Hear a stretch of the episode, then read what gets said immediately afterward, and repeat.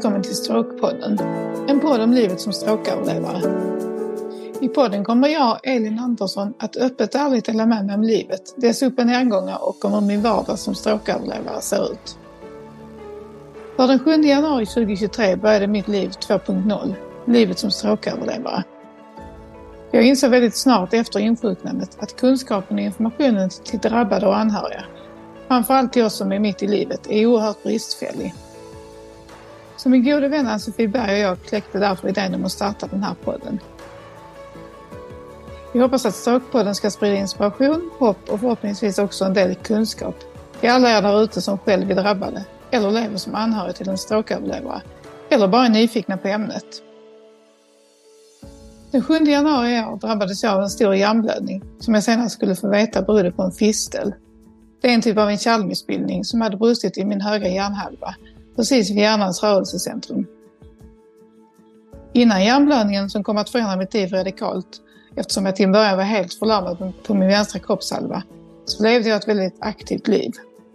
Jag är gift med Christian och vi har två tonårsdöttrar på 15 och snart 19 år ihop. Vi bor i en en och en halv plans villa i Vellinge som är en liten ort en dryg mil söder om Malmö. Vi har en sibirisk katt, Samira, som är 10 år och en hund, Busse, som är en beagle som är fem år gammal.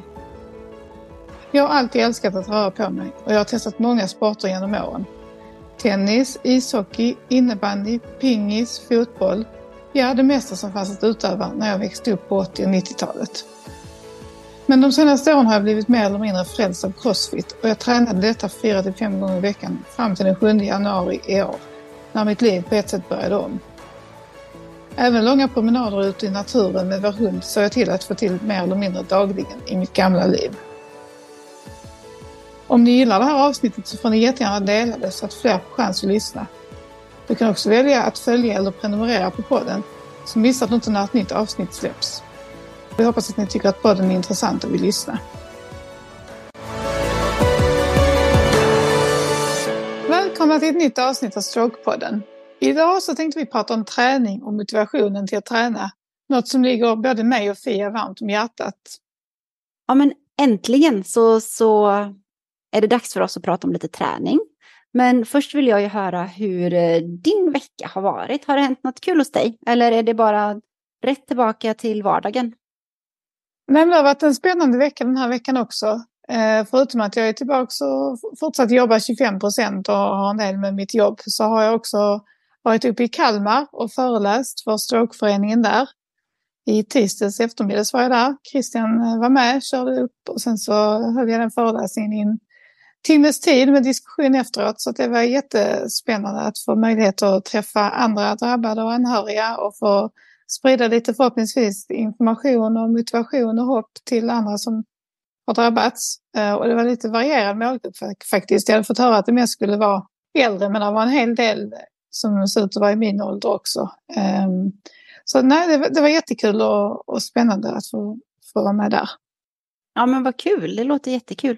Men då är det inte bara rehabutmaningar eller rörelseutmaningar utan också föreläsningar och stå och prata inför publik. Ja, och det har aldrig varit någonting som jag har varit jätteförtjust i. Speciellt inte när jag var mindre. Men på något sätt så känns detta så... Jag ska inte säga att jag inte var nervös, för det var jag lite grann. Men det är ett ämne jag kan bäst själv. Det är inget, som, det är inget sånt här att jag ska berätta om någon, någonting som jag måste läsa på om innan, utan det är ju min historia och hur jag tänker och känner. Så på det sättet så kändes det ändå naturligt. Och ju längre in jag kom i föreläsningen desto bättre kändes det. Och det kändes kul också för jag märkte att publiken var engagerad och ställde frågor under tiden och så. Så att eh, det blev lite som en inspirationsföreläsning och, det, och jag fick mycket positiva kommentarer efteråt att det var att det var bra och att de gillade. Så att det, det kändes jättekul. Så att, um, jag hoppas på att få göra fler sådana. Jag har ett par till inbokade framåt våren. Förutom föreläsningen så har jag också hunnit med lite träning, även om det inte har blivit så mycket som det hade varit om jag inte hade varit iväg. Men jag har varit på Dagrev ett par gånger och tränat på gymmet ett par vändor med. Så att jag har hunnit träna lite grann i veckan också och ska dit imorgon igen. Mm. Och sen eh, förstår jag att snön har fallit ner i Skåne. Ända ner i Skåne har det kommit lite snö. Vad, eh, vad känner du för det? Ja, vi har fått lite snökaos här nere och det är inte speciellt vanligt, speciellt inte så här tidigt på året. Men eh, det kom nu när vi var i Kalmar där uppe var det en hel del snö och sen när vi körde hem igår så snöade det hela vägen hem. Och I natt har det snöat ännu mer så nu har vi ett par decimeter liggande så nu när jag tittar ut så snöar det faktiskt fortfarande. Och det, jag gillar ju vinter och när det är riktig vinter som det inte är så ofta nere i Skåne och snö. Men just nu känns det som att eh, det inte är lika kul som vanligt eftersom jag inte kan vara ute och kasta snöbollar till hunden och ja, gå runt i snön som jag brukar göra andra år. Så det är lite frustrerande. Och det är ju för att du är, inte riktigt är så stadig, eller hur? Att du är lite rädd att du ska ramla. Ja, jag är rädd att halkas så med och jag vill helst inte bryta någonting så jag får ännu mer problem att gå såklart. Nej. Så att jag försöker ju, men jag har, ju, har faktiskt på broddat mina eh, gympaskor som jag tänkte jag ska försöka ge mig ut och mm. gå lite långsamt med. Ta det lugnt, kanske till och med få ta hjälm på mig för att jag får ju inte lov att slå i huvudet nu efter operationen heller. Så jag får vara extra försiktig så jag får gå runt med cykel igen i kvarteret, jag vet inte. Nej, men kanske vandringsstavarna kan komma fram igen. Då kan du ju ha två. Då kan du ändå, det kanske är någonting. Ja, fast problemet är att jag har svårt att hålla den med vänsterhanden. Men, um... Just det. Ja, staven har jag alltid med mig när jag går när, utomhus. Den kommer jag definitivt ha nu. Och där kan man ju fixa till så att det blir som en liten spik under istället för den här gummiploppen så att den inte glider. Mm. Så det är ju smidigt. Precis. Vi hoppas de skottar och sandar och saltar lite så att du kan komma ut på dina vanliga promenader igen. Ja, det var ju någonting man märkte när vi var i Umeå att där är de ju bra på snöröjning. I Skåne är vi inte lika bra på det. Vi är inte riktigt lika vana vid att få så här mycket snö. Så att eh, plogningen och saltningen, sandningen här nere är inte lika effektiv som den var där uppe. Men förhoppningsvis är den snart ute och skottar så jag kan våga ge mig ut på en liten tur i alla fall. Mm, och det är kanske inte någonting som man riktigt har tänkt på innan. Man uh, har uh, tappat sin, uh, sin stabilitet i gången och hur man rör sig, att det här skulle vara någonting som kan bli ett hinder. Nej, men precis. Och sen var det lite rolig kanske är fel ord, men grej igår. Min syster skrev till mig, de bor en bit upp i Skåne, att de hade fått is på en liten eh, ja, åker i närheten och att de tänkte ge sig ut och åka skridskor med deras yngsta dotter till helgen och frågade om det var någon i släkten som var sugna på att komma dit. Och då var jag precis nära att skriva att gud vad kul, jag kommer och åker skridskor med er. Men så stod det mig bara några sekunder senare bara nej, det gör jag inte alls, för jag kan inte stå på ett par skridskor. så det var lite här wake-up call. Det är precis som att jag inte riktigt alltid reflekterar eller tänker efter att jag faktiskt inte är som jag var innan. För att, eh, det är precis som att jag vet om det fast det är inte alla delar av kroppen som vill acceptera det riktigt. Nej, men snart är du där igen tror jag. Det kommer nog, du kanske åker skridskor eh, nästa, nästa vinter. Vi kan eh, ha det som eh, långsiktigt mål, ja precis. tycker jag låter bra. Mm. Men vad säger du, ska vi dra igång avsnittet lite och prata lite mer om träning? Ja, men det tycker jag, det gör vi. Mm. Du eh, tränade ju ganska mycket innan du fick din stroke. Eh, kan du beskriva hur en typisk träningsvecka brukade se ut för dig? Jo, men jag tränade en hel del. Jag försökte få in en fyra, fem pass i veckan var ju målet och lyckades oftast med det. Förutom då träning på gym eller crossfitbox så var det mycket vardagsmotion. Jag tog ju oftast helst trappan om det gick istället för att stå och vänta på hissen eftersom jag alltid hade det stressigt i mitt gamla liv. Så ja, och jag gick gärna promenad på lunchen för att få lite frisk luft och få sträcka på benen om jag hade suttit ner en hel förmiddag på jobbet. Och sen eh, eftersom vi har hund så var jag ute med honom minst en gång om dagen också. På vardagar och på helgerna gick jag ofta lite längre turer med honom. Ut i skogen och vandrade och så med hunden. Så det var mycket eh, träning och vardagsmotion i mitt gamla liv. Mm. Ja, det är väldigt mycket. Och du jobbade ju faktiskt heltid eh, då också. Hur lyckades, få in, hur lyckades du få in all den här träningen då? Ja, det undrar jag också nu så här i efterhand när man liksom har perspektiv till det och eh, inte jobbar mer än 25 procent. Men allting handlar ju om prioritering. Alltså jag prioriterade ju verkligen träningen. Det var, jag ska inte säga att det var lätt att få till fyra, fem dagar i veckan för det var det inte. Och jag tränade inte fyra, fem dagar i veckan när barnen var mindre heller. Men ja, med tanke på att de blev äldre och äldre och klarade sig, kunde vara själva hemma så fick jag ju mer möjlighet att ta mig till gymmet. Eh, och i perioder när det var svårt att få till att komma till gymmet så såg jag till att bara knyta på mina löparskor och gå ut och springa en runda. Det tog mycket mindre tid än att ta sig till och från gymmet. Så det gäller att planera och prioritera så kan man alltid få till träning på något sätt i, i vardagen. Eh, och det är väl fortfarande min filosofi. Eh, jag vet inte, hur, hur tänker du runt det? Ja, men det är nog så som jag brukar göra också. Jag försöker prioritera eh, och göra det kanske istället för den där tvn eller någonting annat så är liksom träningen står med på agendan. Men, men sen är det ju så att under många perioder, och jag har haft en jätteintensiv period med väldigt mycket jobb och har inte alls hunnit träna så mycket som jag kanske hade önskat. Men får man till några pass i veckan, typ två, en, två, så räknas det också. Det är ju liksom alltid något. Så kan man ta igen det veckan därpå istället. Idag till exempel så skulle vi spela in den här podden och jag har jobbat hela dagen. Men då fick det bli ett lite kortare pass. Till exempel, så kan man också göra. Det måste inte alltid vara en timme. Man kan göra det lite kortare. Det räknas också, tycker jag. Ja, men precis. Alltså det är också ett exempel just från idag. För jag skulle egentligen gått bort till vår, eh, eller min rehabklinik som ligger här i, i byn, bara en kilometer bort. Jag brukar gå dit och tränat. Men med tanke på snökaoset här och att det var inte plogat och jättehalt på vägarna så fick jag faktiskt ringa och ställa in det. För jag ville inte riskera att ramla när jag skulle gå dit. Och då eh, tänkte jag att ja, okej, nu blir det ingen promenad dit och ingen träning där. Men då får jag se till att göra det jag kan här hemma istället. Jag har ju liksom så att jag kan lägga mig på golvet och göra mina magövningar och ryggövningar där. Och jag har platta jag kan stå och stretcha vaden på och, och lite så. Så det går ju alltid att få till någon typ av träning även om man har det tufft med tiden i vardagen och andra saker som ställer till att man inte hinner med eller kan. Precis, man kan göra medan eh, köttfärssåsen kokar på spisen kan man göra 10 squats och 10 eh, armhävningar och eh, typ 10 knälyft eller någonting i tre runder. Så har man gjort, då har man gjort någonting, eller hur? Exakt, så brukar jag göra nu. Jag gör ju kanske inte just de övningarna eftersom min kropp är som den är. Nej, Men jag brukar, alltså det är, inte, det är inte alls ovanligt att jag när jag står och lagar mat övar balansen istället. Jag står och håller mig i köksbänken och så mm, står jag på mitt svaga ben eller vi försöker stretcha eller sträcka ut knät och hitta knäkontrollen. Det är också sånt man, enkelt kan göra när man står i köket ändå och håller på med någonting annat och kanske väntar på att pastavattnet ska börja koka eller vad det nu kan vara för någonting. Mm. Eller borsta tänderna, den har jag alltid fått höra också. Att borsta tänderna är ett, ett tillfälle när du lätt kan öva på din balans. Liksom. Precis. För då står man där. Men vad för slags träning var det som du gjorde innan din stroke? Vad var det du gjorde mest av? Det jag gjorde mest och som jag tyckte var absolut roligast, det var ju som jag har nämnt innan i podden, tror jag, att träna crossfit. Det har jag liksom gjort de sista, kan det vara, fem, sex åren kanske. Alltså jag har gått på gym ända sedan vi flyttade hit till Vellinge för 14-15 år sedan. Men just crossfiten hittade jag till, det var tack vare dig tror jag Pia som introducerade den för mig. Att du hade börjat träna när ni bodde i, i Paris tror jag det var. Så tänkte jag det måste jag testa och då började jag med det och sen har jag liksom också fastnat för det. Så där var jag ju och tränade de flesta passen. Men även som jag sa innan när jag inte fick till det med tanke på jobb och barn och så, så kunde jag bara snöra på mig skorna och gå ut och springa en halvtimme efter jobbet om det hade varit en... Jag bara kände att jag behövde rensa huvudet efter en jobbig arbetsdag eller vad det kan vara för någonting. Eller bara hade lite frisk luft. Så det var också någonting som jag gjorde hyfsat regelbundet. Eh, och som jag sa innan, gå ut med hunden, åka till skogen och promenera. Härliga skogspromenader är jättehärligt att göra oavsett årstid. Så att eh, mycket, mycket den typen av träning, men framförallt crossfit. Mm. Och det är som du sa, jag har ju också kört under ganska många år.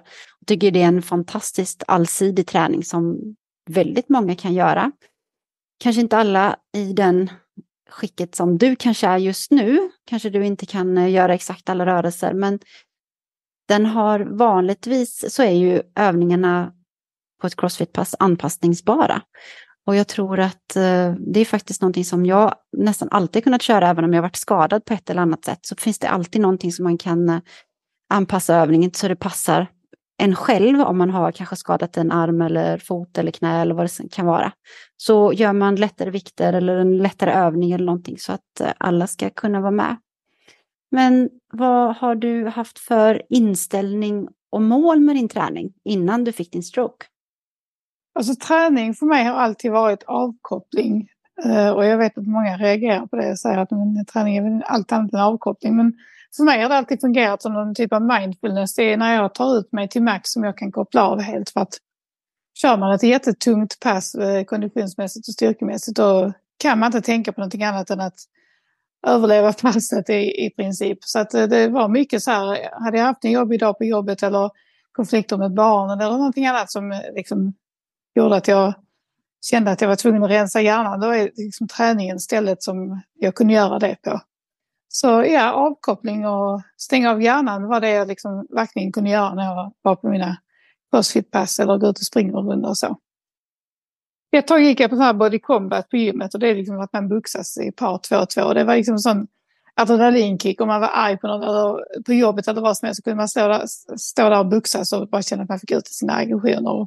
Ja, vid crossfiten lyfta tunga vikter och bara liksom ja, slappna av och ta ut sig helt. Det är faktiskt ett citat som sitter på gymmet där jag går här i Vellinge som säger eh, Whenever you are sad, lost, lonely, angry or broken there is always a fix.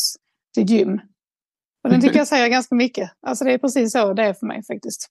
Mm, ja, det var, lite, det var ett, ett bra talesätt, verkligen. För mig är nog träning också ett sätt att rensa hjärnan, men allra mest är det nog för att jag tycker att det är så himla kul. Jag mår ju bra av att ha varit och tränat. Eh, och jag känner att jag behöver få in och få lite energi. Kanske inte den där jätteenergin som alla säger att de påstår att de får direkt efter ett träningspass. Jag kan bli ganska trött efter några timmar, tycker att det är lite sådär jobbigt. Men, men humöret och huvudet mår väldigt bra. Ehm, jag kan också känna av ganska mycket i min kropp om jag inte har rört mig. Om jag varit väldigt mycket stillasittande eller kanske man har varit sjuk och inte varit ute och rört på sig så mycket, då då blir jag helt stel och kroppen skriker verkligen efter att den behöver komma ut och röra sig. Och det kanske är någonting också när man blir äldre. Man är ju inte riktigt 20 längre. Det kanske gör sitt det också, att det är viktigt att träna och kunna klara av saker i vardagen. Som bära matkassar eller lyfta upp något tungt på någon hylla någonstans och sådär. Det är rätt skön känsla att kunna klara det, inte behöva be om hjälp av någon som är starkare. Man kan göra det själv. Ja, gud, det håller jag absolut med om. Och även det här alltså med att det är roligt, det tycker jag också såklart. Det är mycket det som, jag kan inte ta det men det är mycket det som också har gjort att jag fortsatt gå på de här passen och gör det fortfarande. För att det är mycket med sammanhållningen och vännerna man har som man tränar tillsammans med. Det är liksom halva grejen minst. Att träffa folk och umgås och ha kul tillsammans och, och ta ut sig tillsammans och svettas ihop är jättehäftigt. Sen kan jag ju faktiskt gilla det du sa att du inte är tycker att känslan efter är, det bästa. Men jag kan ju verkligen älska den känslan efteråt. Även om man är helt, även om man är helt slutkörd så bara kan jag tycka att det är så skönt. Alltså ett, ett exempel är att jag gick ofta på pass som var på fredag morgon klockan sex. Och vissa tycker man är helt knäpp som ställer klockan på fem och 15 för att gå upp och träna. Men just fredag morgon var det så himla... Alltså det var det bästa passet på hela veckan. För då var man klar klockan sju duschade och körde till jobbet och så kände man att nu har jag hela helgen framför mig. Jag kan sitta vid, ligga vid tvn ikväll och ta det lugnt för nu har jag gjort min träning. Och så fick man en sån endorfinkick där tidigt på morgonen och fredagen bara försvann i ett nafs. och det var liksom, ja, man hade bara en sån härlig känsla hela dagen för att man startade dagen med det här tuffa och roliga träningspasset. Jag hade behövt gå och lägga mig och sova klockan nio om jag hade gjort ett träningspass klockan sex på morgonen. Man är så himla olika. Man somnar ju väldigt gott på fredagskvällen kan jag säga. Man är inte uppe till midnatt. Nej, det kan jag tänka mig. Det är väl det där också, man ska hitta när det passar en själv. Det är, en del passar det på morgonen, en del behöver träna mitt på dagen, en del på kvällen.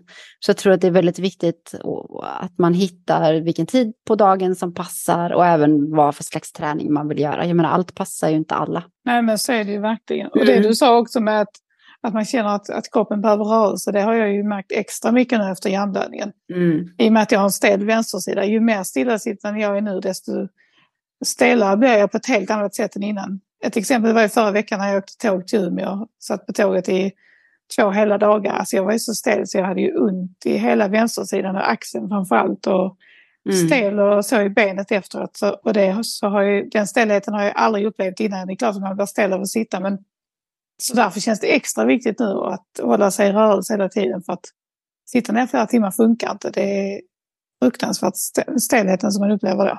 Mm. Man, man behöver införa lite tågträning också. Eller resträning kanske om man är ute och flyger. Eller, eller åker tåg eller någonting sånt. Eller bil.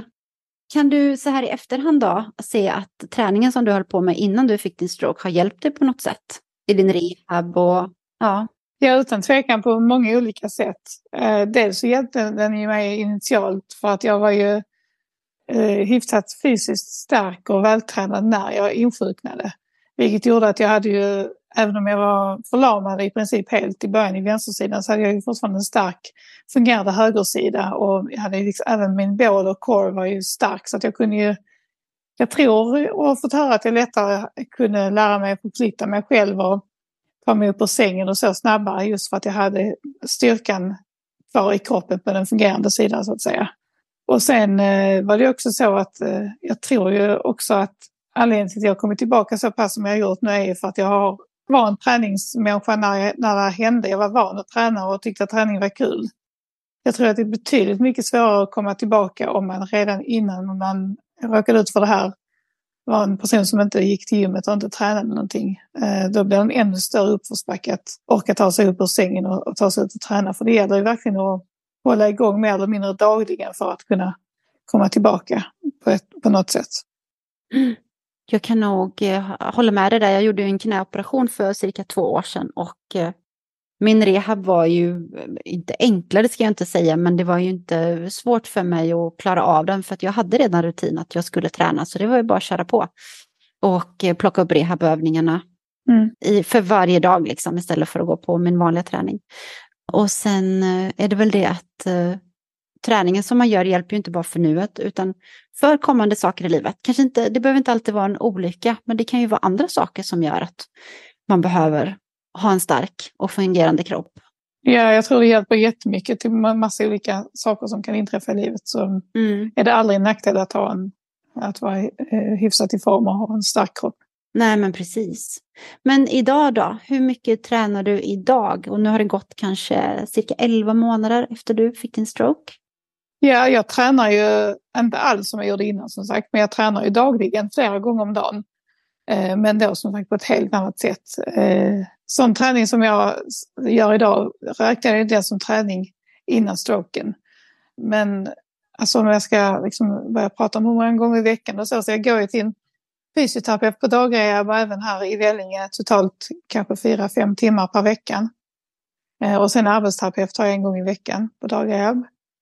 Och sen utöver det så gör jag ju mina stretchingövningar och rörlighetsövningar varje dag hemma. Minst eh, en eller två gånger om dagen så ofta jag tänker på det. Som jag sa innan kan det vara att jag står och lagar mat och så stretchar jag lite eller tränar balans och så. Och sen går jag även till gymmet här i min ort och även i Trelleborg där jag har min crossfitbox. Eh, försöker jag gå en, två, tre gånger i veckan så ofta jag hinner.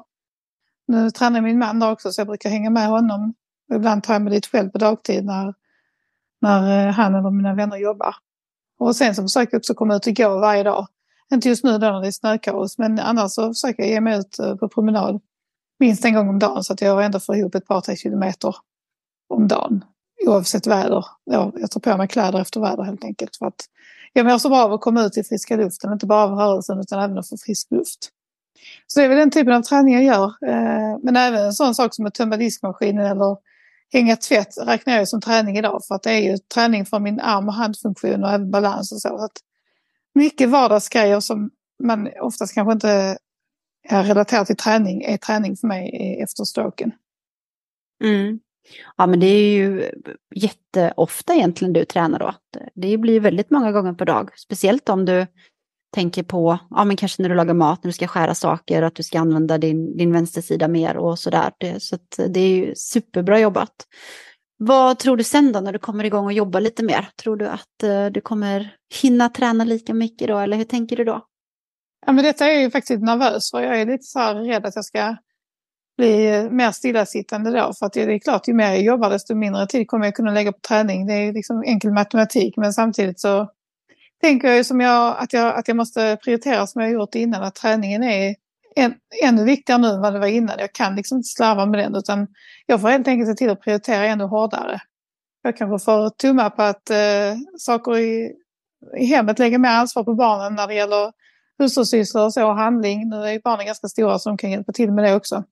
Så att jag hinner med min träning. Och sen har jag också turen och förmånen att ha ett jobb där jag kan bestämma ganska mycket själv eh, när på dagen jag ska jobba. Såklart är jag beroende av vissa möten och så men jag har ju friheten att kunna ta en paus mitt på dagen och gå ut och gå en runda. Kanske ställa mig och stretcha lite eller ta ut rörligheten eh, mellan möten och, och så här. Om jag jobbar hemifrån som jag kan göra en hel del. Mm. Det kan man ju göra. Sånt kan man göra framför datorn också, även när man jobbar liksom. Eller på fikarasten eller någonting sånt. Det kan vi ju alla göra även om man inte är hemma. Det är ju rätt så bra.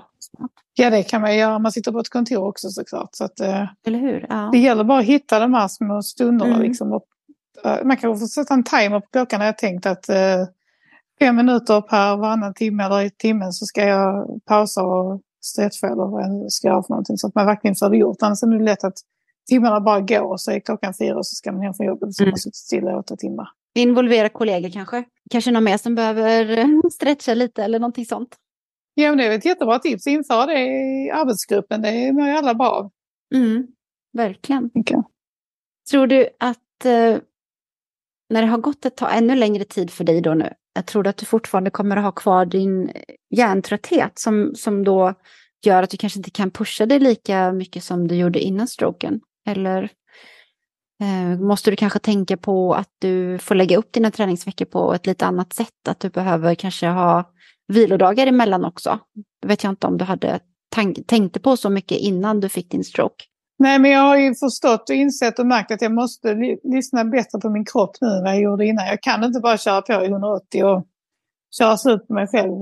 Det har jag ju märkt den hårda vägen den här tiden nu när jag har börjat komma tillbaka till jobbet och så. Att jag måste lyssna bättre på min kropp. Jag kan inte, känner jag av att hjärnan håller på att stänga ner för att jag börjar bli hjärntrött, då måste jag ta mina 5-10 minuter och sätta mig och andas och gå in i mig själv och bara eh, slappna av och ta en powernap eller vad det kan vara för någonting.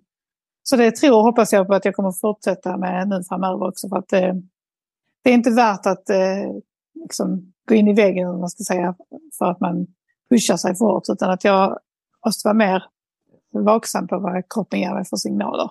Mm. Och det tror jag vi alla ska vara, även om vi inte har råkat ut för någon stroke eller liknande. Uh, alltså jag tror att det är väldigt viktigt att man lyssnar på sin kropp och tar pauser och bara gör någonting annat emellanåt också. Och, och, och även räknar in lite vilodagar i sina veckor där man kanske inte har massa måsten eller jag måste inte gå och träna idag även om jag inte hann igår. Nu kanske jag vilar lite idag och läser en bok eller någonting. Det är nog ganska bra. Ja, just den här balansen har jag varit dålig på innan också, men att, att hitta, hitta den har jag ju lärt mig bättre mm. nu och känner att jag måste fortsätta med. Så precis som du säger, att jag måste inte pressa mig själv att få till med träningspasset utbär en dag att gå dit nästa dag istället utan att lyssna på kroppen där och verkligen ta det lugnt istället och återhämta mig för att återhämtar jag mig inte så kommer jag inte orka träna eller så kommer inte träningen ge mig någonting ändå. Nej men precis, jag tror det är, det är så tror jag det är för väldigt många också att om man trycker in det och det blir för tufft och för hårt så, så då gör den inte gott ändå. Och jag menar livet kan ju vara superstressigt så det gäller ju att man gör goda val med den där tiden som man har. Och även om man inte kan gå till gymmet så är det ju så som du gör, man tar en promenad kanske och då får man rensa huvudet och röra sig lite. Eller man kanske som i tiden som är nu, man skottar lite snö. Det kanske man också behöver göra. Precis, det är också träning. det kan också vara en träning om man kan och orkar. Mm. Det är ju så olika, vi är så olika så att eh, ja, men om man kan det så absolut. Men eh, hur brukar du göra då när du inte går till till exempel din fysioterapeut? Han har ju färdiga pass och övningar som du ska göra, utan du, du går själv till gymmet. Hur gör du då? Lägger du upp dina egna pass eller får du instruktioner från din fysioterapeut? Eller hur ser det ut för dig? Alltså det är lite blandat. Eh, jag får ju mycket inspiration när jag är hos mina fysioterapeuter. Så där får jag mycket inspiration och, och så. Och Sen är det inte så att jag sitter och skriver ner pass eller övningar jag ska göra när jag kommer till gymmet, utan jag har dem liksom i huvudet. Jag brukar memorera vad vi gjorde på de sista träningarna och så kör jag lite liknande rörelser när jag är på gymmet. Och sen eh, brukar jag också fråga mycket när jag är på dagrehab, speciellt där jag har mina grymma fysioterapeuter då. Elin och Sofia, då brukar jag be dem om tips. Liksom, om, de, om de säger att jag är stel i framsida lår, ja men kan ni ge mig exempel på övningar jag kan göra hemma för att bli mindre stel där, som ett exempel. Och jag vill få till en bättre böjning i höften när jag går. Vilka övningar ska jag fokusera på då där hemma?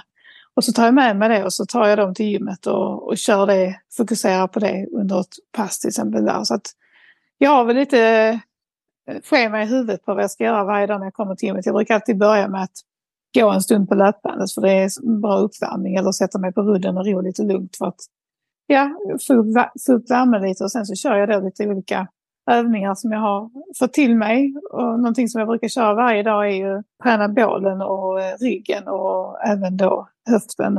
Liksom ligga på golvet och göra situps, eh, rygglyft, höftlyft.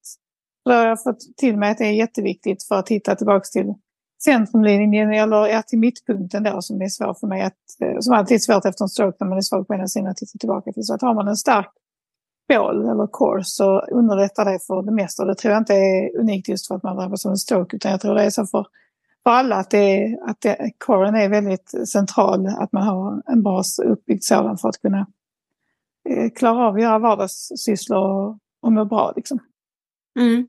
Men brukar du göra eh, typ vadå, tre runder av tre övningar eller brukar du göra först core och sen eh, kanske nästa övning? Eller hur brukar du lägga upp dem? Kan du dela med dig lite och kanske tipsa lite? Jo, men jag brukar, det är ungefär så som du sa, som sagt jag brukar börja med att värma upp en, allt från 10 minuter till 30 minuter på antingen löpande eller rull eller motionscykel. Sen brukar jag köra lite olika övningar från dag till dag, men då kör jag oftast tre, tre varv med ungefär 10 till 15 repetitioner per varv. Så situps då, då gör jag först 10-15 sådana och sen kanske jag gör 10-15 höftlyft och så gör jag det gånger tre. Så att jag, och sen så vänder jag mig om och ligger på mage och så gör jag kanske rygglyft eh, gånger, 15 gånger tre där. Och sen kanske jag går till benpressmaskinen och sitter där och så gör jag 15 benpress då eh, gånger tre. Eh, och så, så att eh, beroende på vilka övningar jag gör så brukar jag ändå tänka att jag ska göra 3 gånger 15 repetitioner.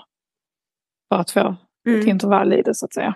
Och då har ju du fortfarande, då ska man ju kanske tänka på också, du är ju inte, du är kanske inte så snabb in och ut ur maskiner eller upp och ner från golvet heller, utan du eh, får ta din lilla tid emellanåt också. Det måste man ju göra och då blir det ju lite vila kanske. Ja men så är det och det är också någonting som jag har varit, som jag absolut inte var bra på att göra innan det här hände. Jag vet, alltså jag var ju oftast en sån som ville få träningen, jag gillade att träna men jag ville att det skulle, jag vill liksom inte göra, göra det ineffektivt utan det skulle gå fort. Men nu kan jag inte göra saker fort utan nu tar det sin tid som du säger, flytta mig mellan maskiner och mm. bara ta, ta mig upp och ner på golvet tar ju liksom en sin lilla stund. Det gör ju inte lika enkelt som innan så det blir ju att det blir vila mellan övningarna ändå på något sätt. Vi har ett samarbete med Strokeförbundet. Strokeförbundet har som uppgift att skapa bättre levnadsvillkor för de som fått en stroke och för deras anhöriga. Detta gör förbundet genom att skapa opinion, påverka samhälle samt politik. Det handlar om att informera om stroke och dess symptom, särskilt hur man förebygger och upptäcker när någon drabbats av en stroke. Det är mycket viktigt att få en diagnos tidigt så att behandling kan sättas in så snart som möjligt. Förutom att Strokeförbundet är en medlemsförening för dig som är strokeöverlevare eller anhörig så samlar de inom ramen för Strokefonden in gåvor som bland annat stödjer Strokefondens forskning om stroke och dess konsekvenser med drygt 4 miljoner årligen. Vill du vara med och bidra? Gå in på strokeförbundet.se. Där kan du skänka en gåva och själv bli medlem. Vi har ett samarbete med Optima Rehab. Behöver du rehabilitering? Optima Rehab erbjuder intensiv rehabilitering i Spanien. I tre veckors tid, fem dagar i veckan, sex timmar per dag tränar du med specialister inom rehabilitering. Du tränar med fysioterapeuter, arbetsterapeuter och neuropsykologer. Har du problem med talet så får du träna med en logoped. Du kan få ersättning för rehabiliteringen via Försäkringskassan. Optima Rehab hjälper dig att ansöka. Ring 08 663 3349 eller mejla till info optimarehab.se. Kan du inte resa men behöver träning? Då rekommenderar vi Optima Online. På Optima Online hittar du träningsfilmer, alla anpassade för personer med funktionsnedsättningar. Gå in på www.optimaonline.se. Men är det någonting sådär speciellt som du tycker man ska tänka på inför sin egna träning? Om man går själv till gymmet eller ska göra någonting hemma? Ja, alltså när det gäller att man har drabbats av en stroke som jag har då så har jag fått eh, reda på av alla mina sjukgymnaster att det är jätteviktigt att fokusera på sådana rörelser som motverkar då om man har spasticitet i vissa muskler som är ganska vanligt vid en stroke, det vill säga att vissa muskler är mer, eh, jag vet inte om jag förklarar detta medicinskt rätt nu, men att de är mer aktiva, alltså har mer rörelse i sig än normalt så att säga. Så I mitt fall till exempel så har jag en liten spasticitet i mina biceps, eller biceps på vänsterarmen.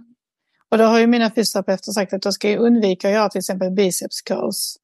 För att då triggar jag den spasticiteten så att den kan bli värre. Utan då är det istället viktigare för mig att stretcha ut vänsterarmen i olika riktningar istället för att böja den. För att böjningen vill vi ju vi vill ju inte att den ska bli ytterligare eh, spastisk så att säga. Och samma med benet, där är det viktigt för mig eftersom jag är eh, lite spastisk i framsida lår och vad till exempel. Att inte eh, kanske göra rörelser som gör att jag ökar på den spasticiteten utan istället stretchar ut framsida lår och vad varje dag. För att, eh, att det ska bli bra träning för mig.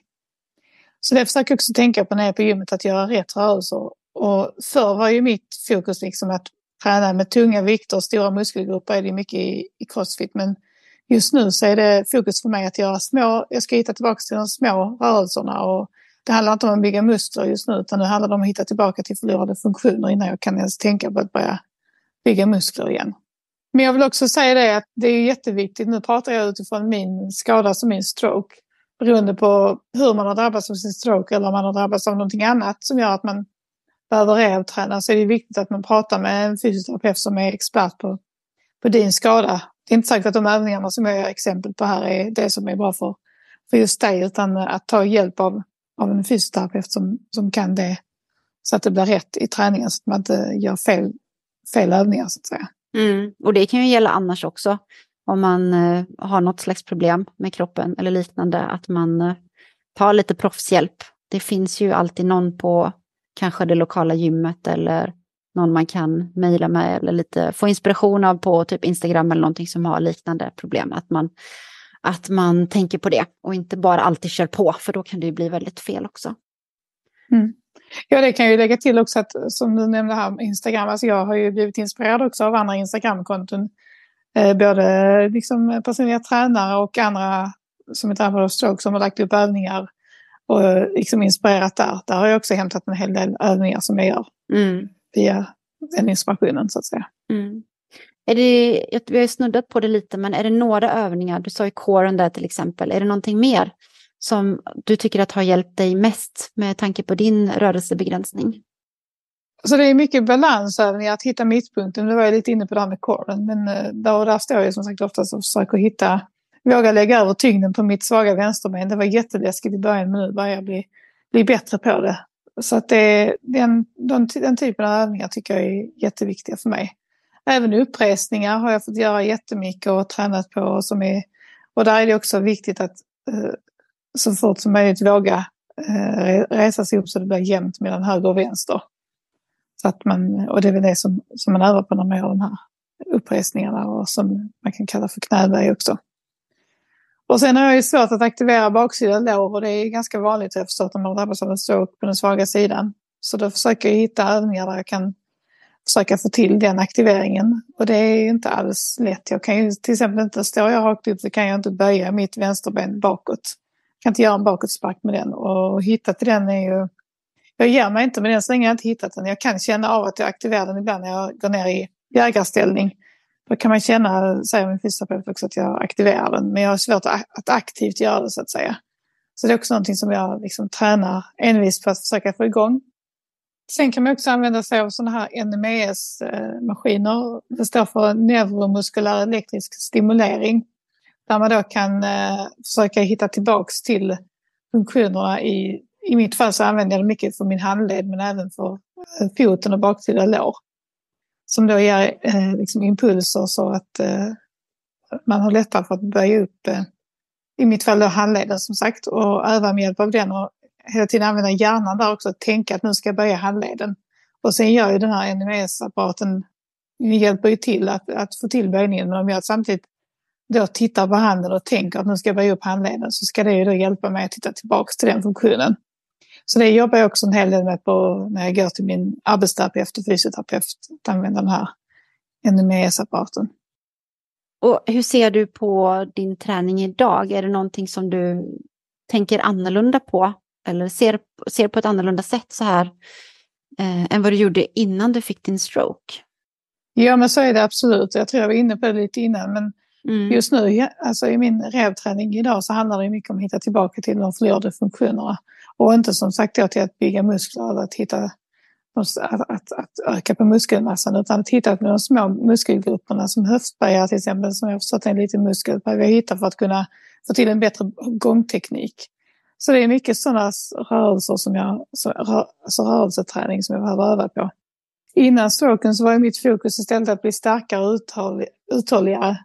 Och lära mig nya saker som till exempel att gå på händer, och hoppa sådana här double under, små hopprep göra strikta pull-ups i baren och, och lära mig att göra sådana bar muscle ups som det kallas. Nu blir det mycket crossfit-termer här. Men det var ju sådana saker som jag inte kunde innan men som jag tränade för att lära mig.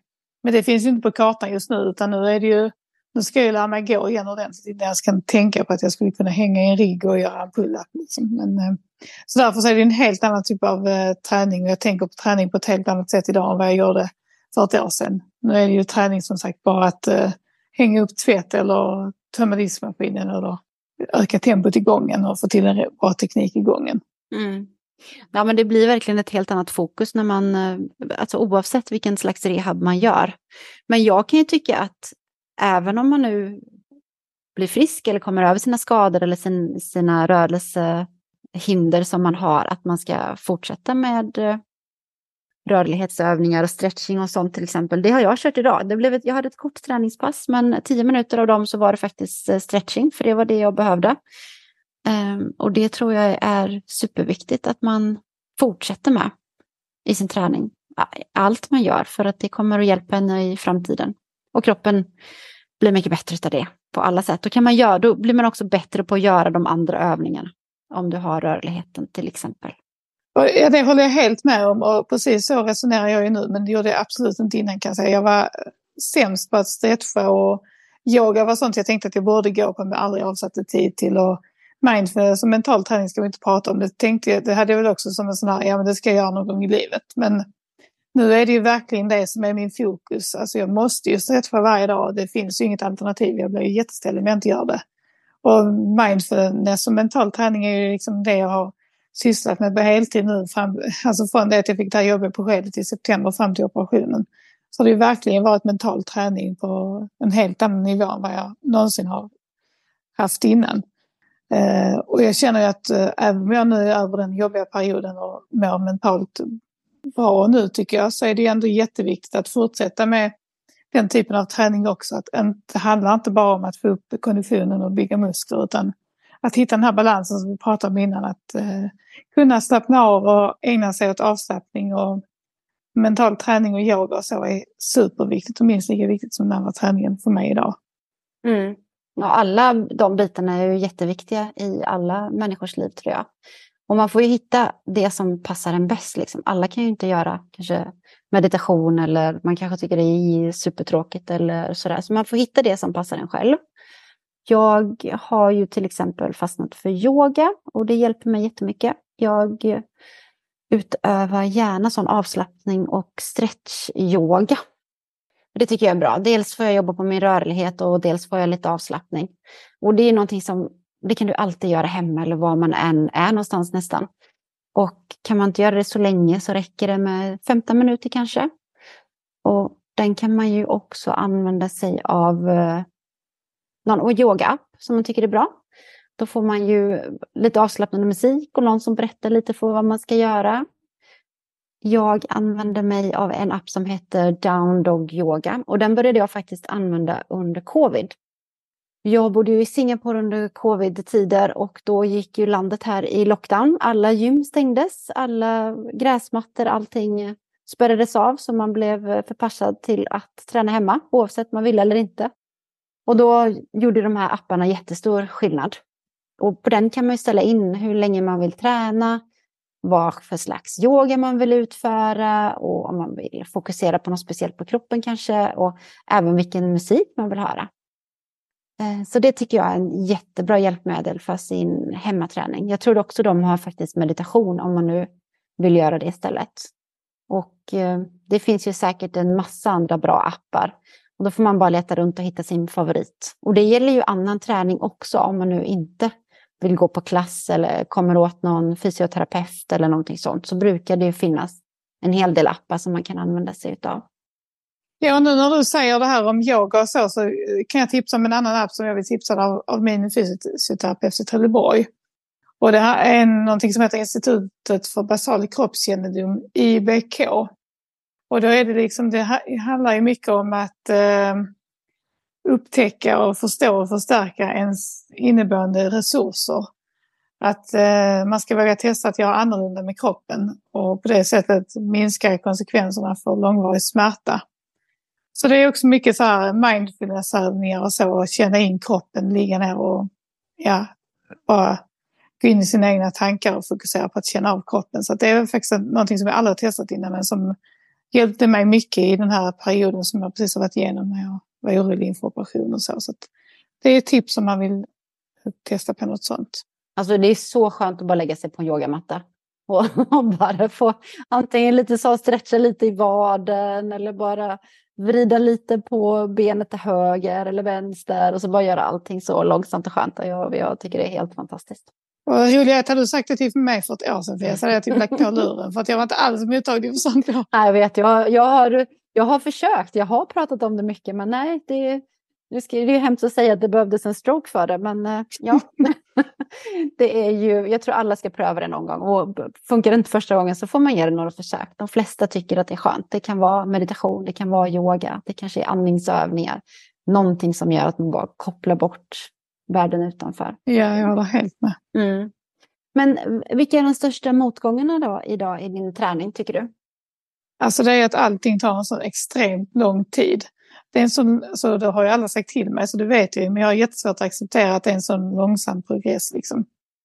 Eh, att det ska vara så svårt att kunna, alltså jag kan gå på, en, på gatan och se människor som går framför mig, så tänker jag, ja men jag vet väl också att det är så man går, och så tänker jag hur svårt ska det vara, men det går verkligen inte att gå i ett normalt gångmönster, och det har jag svårt att, jag har accepterat det nu, men det är, det är väl det som är de, om man ska säga motgångarna, men som är jobbigast.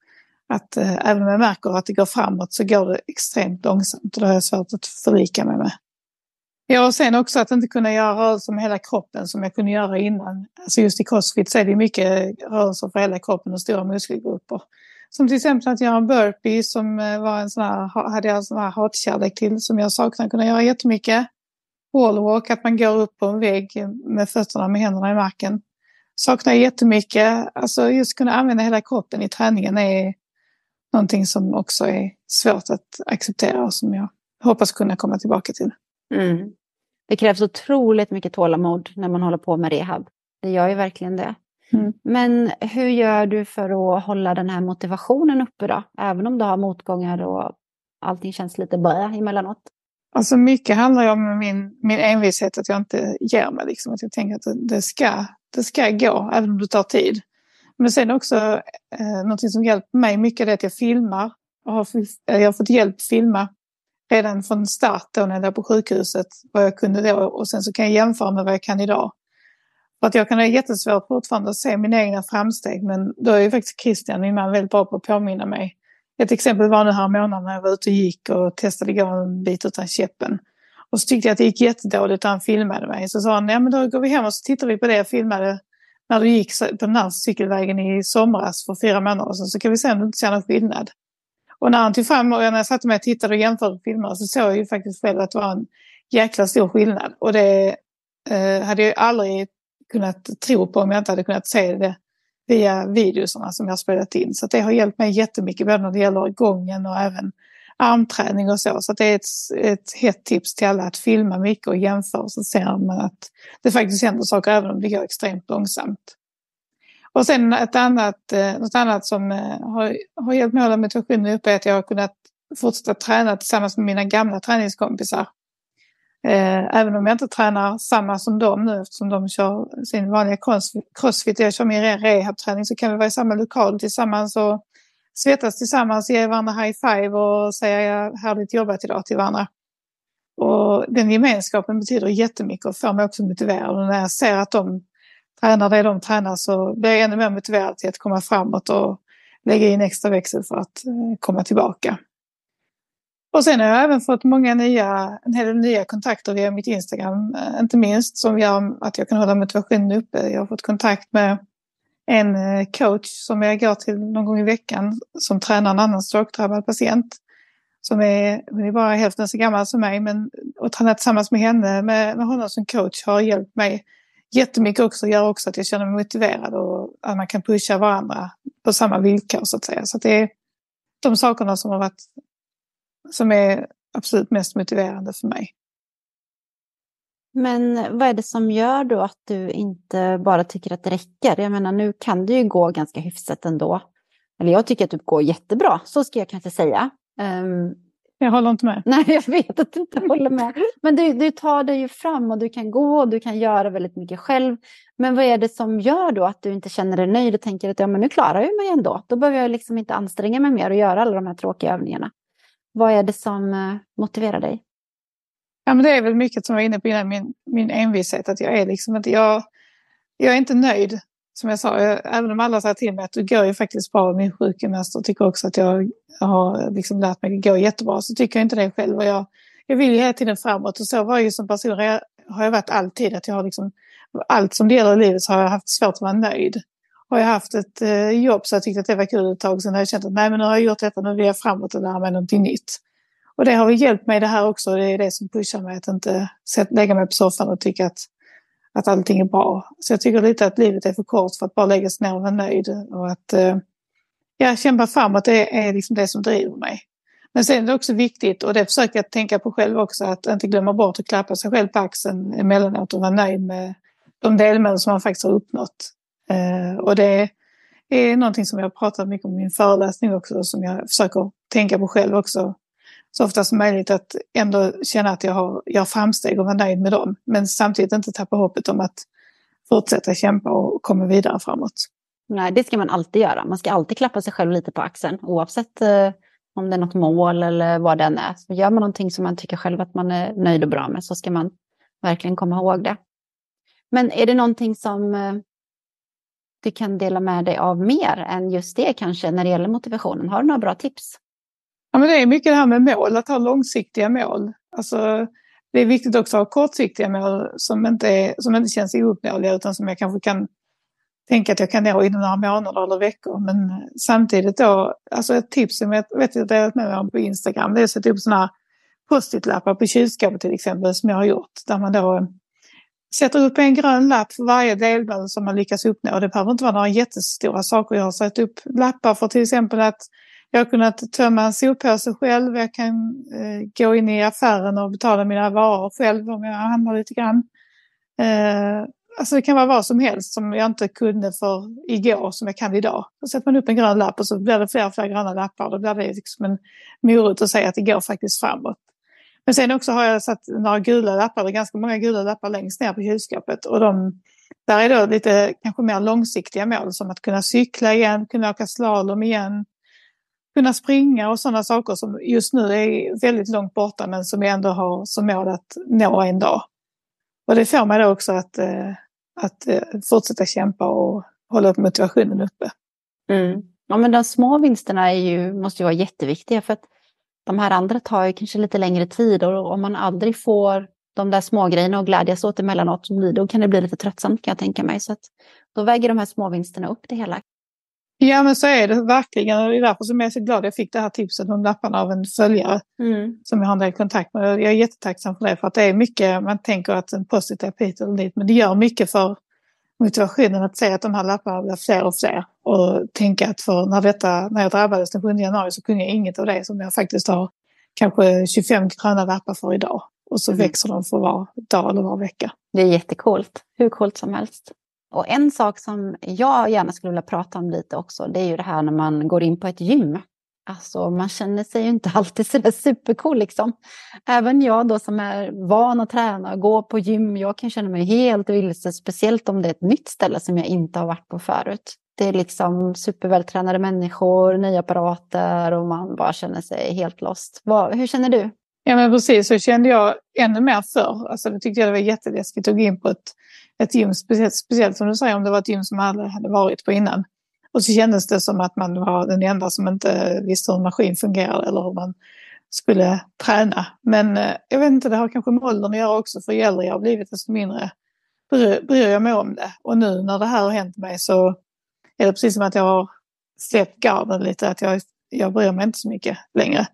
Och det är väl därför jag har vågat gå ut och vara öppen på Instagram också. För jag tänker att eh, jag, ska, jag vill inte skämmas för för det som har hänt mig. Det är inte någonting som jag har kunnat rå för utan jag har haft otur att drabbas av det här och, och jag går in på gymmet med min käpp och staplar mig fram och går i snigelfart på löpbandet och tänker att är det någon som tycker att eh, vad jag hundar så får de väl tänka det. Men jag, jag kör i min takt och, och det jag kan göra. Men det tror jag som sagt det är nog mycket svårare. Jag hade inte alls vågat göra det tror jag om jag hade varit 20 utan det är nog en mognadsgrej också att man är, säkrare i sig själv ju äldre man blir. Mm, dels det tror jag och sen kanske att man är lite van vid, vid ett gym. Så kan det säkert vara. Men det kan ändå vara jädrigt läskigt. Eller jag kan tycka det i alla fall. Jag känner mig inte alltid supercool.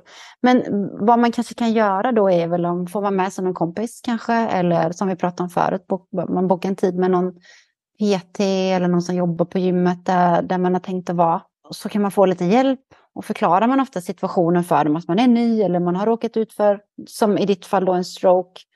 Eh, man kan inte göra allting men jag behöver hjälp för att visas runt och, och få lite tips och råd om hur saker och ting fungerar.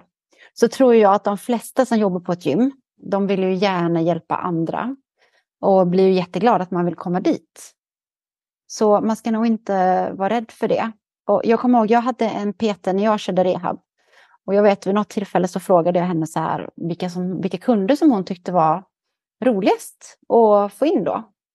Och då sa hon faktiskt att eh, de som kommer till mig, som jag då till exempel, som var van att träna och eh, kunde många av rörelserna och sådär. Jag var inte jätterolig att göra med, utan hon, hon ville ha de här som verkligen mm. behövde hjälp. Det var därför hon hade blivit eh, PT. Och det var faktiskt ganska kul mm. att, att, höra att eh, de, de är där för att hjälpa och få göra saker bättre och de förväntar sig absolut inte att man redan klarar allting. Nej, det tror jag är helt rätt och det märkte jag ju nu även om jag var van att träna innan så när jag kom tillbaka till mitt crossfit-gym i Trelleborg i somras så eh, frågade han som har det liksom, om jag kunde få hjälp med övningar och så, så var han ju han tyckte bara det var jättekul att jag var tillbaka och ställde upp och visade mig och introducerade mig till vad jag skulle kunna göra mm. för skalaövningar och så. Så jag märkte att det, han tyckte att det var roligt och liksom såg det som, som något inspirerande att, att kunna hjälpa till och så. Så jag tror inte man ska, man ska inte vara rädd för att fråga utan att de flesta är som du säger hjälpsamma och vill kunna hjälpa till. Då. Mm. Sen har vi ju redan snuddat lite på de här hälsoaspekterna med träning och meditation och yoga eller vad man nu hittar på för någonting som passar en själv. Men är det någonting som du har reflekterat över när det gäller din träning och hälsoaspekter av träning?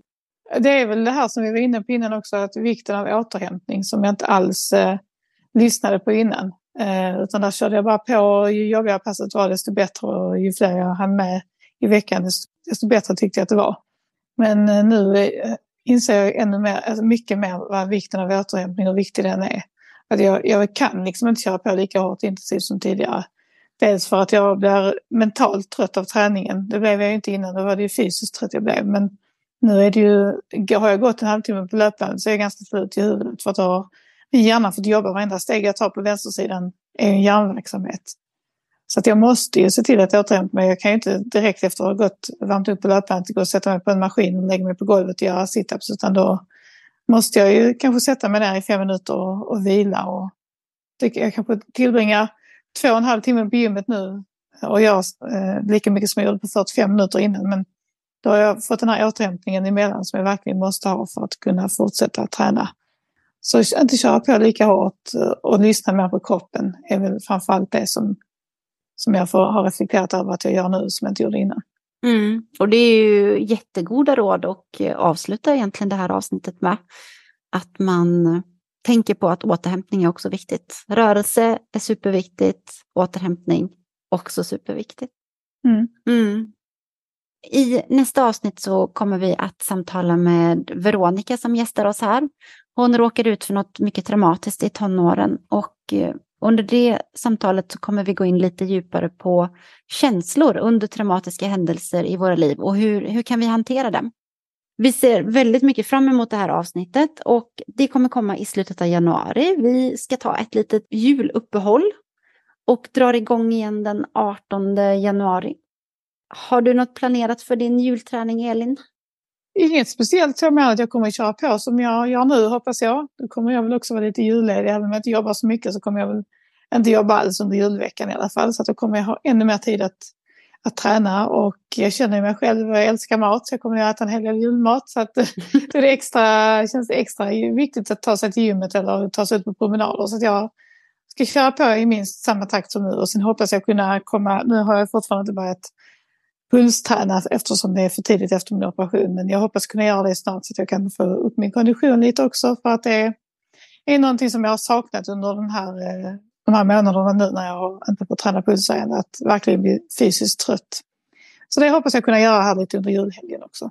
Ja, det låter kul. Och här brukar det alltid vara något speciellt sånt eh, träningspass, något nyårsdagspass eller juldagspass eller någonting sånt. Så att jag, jag ska försöka hänga på det.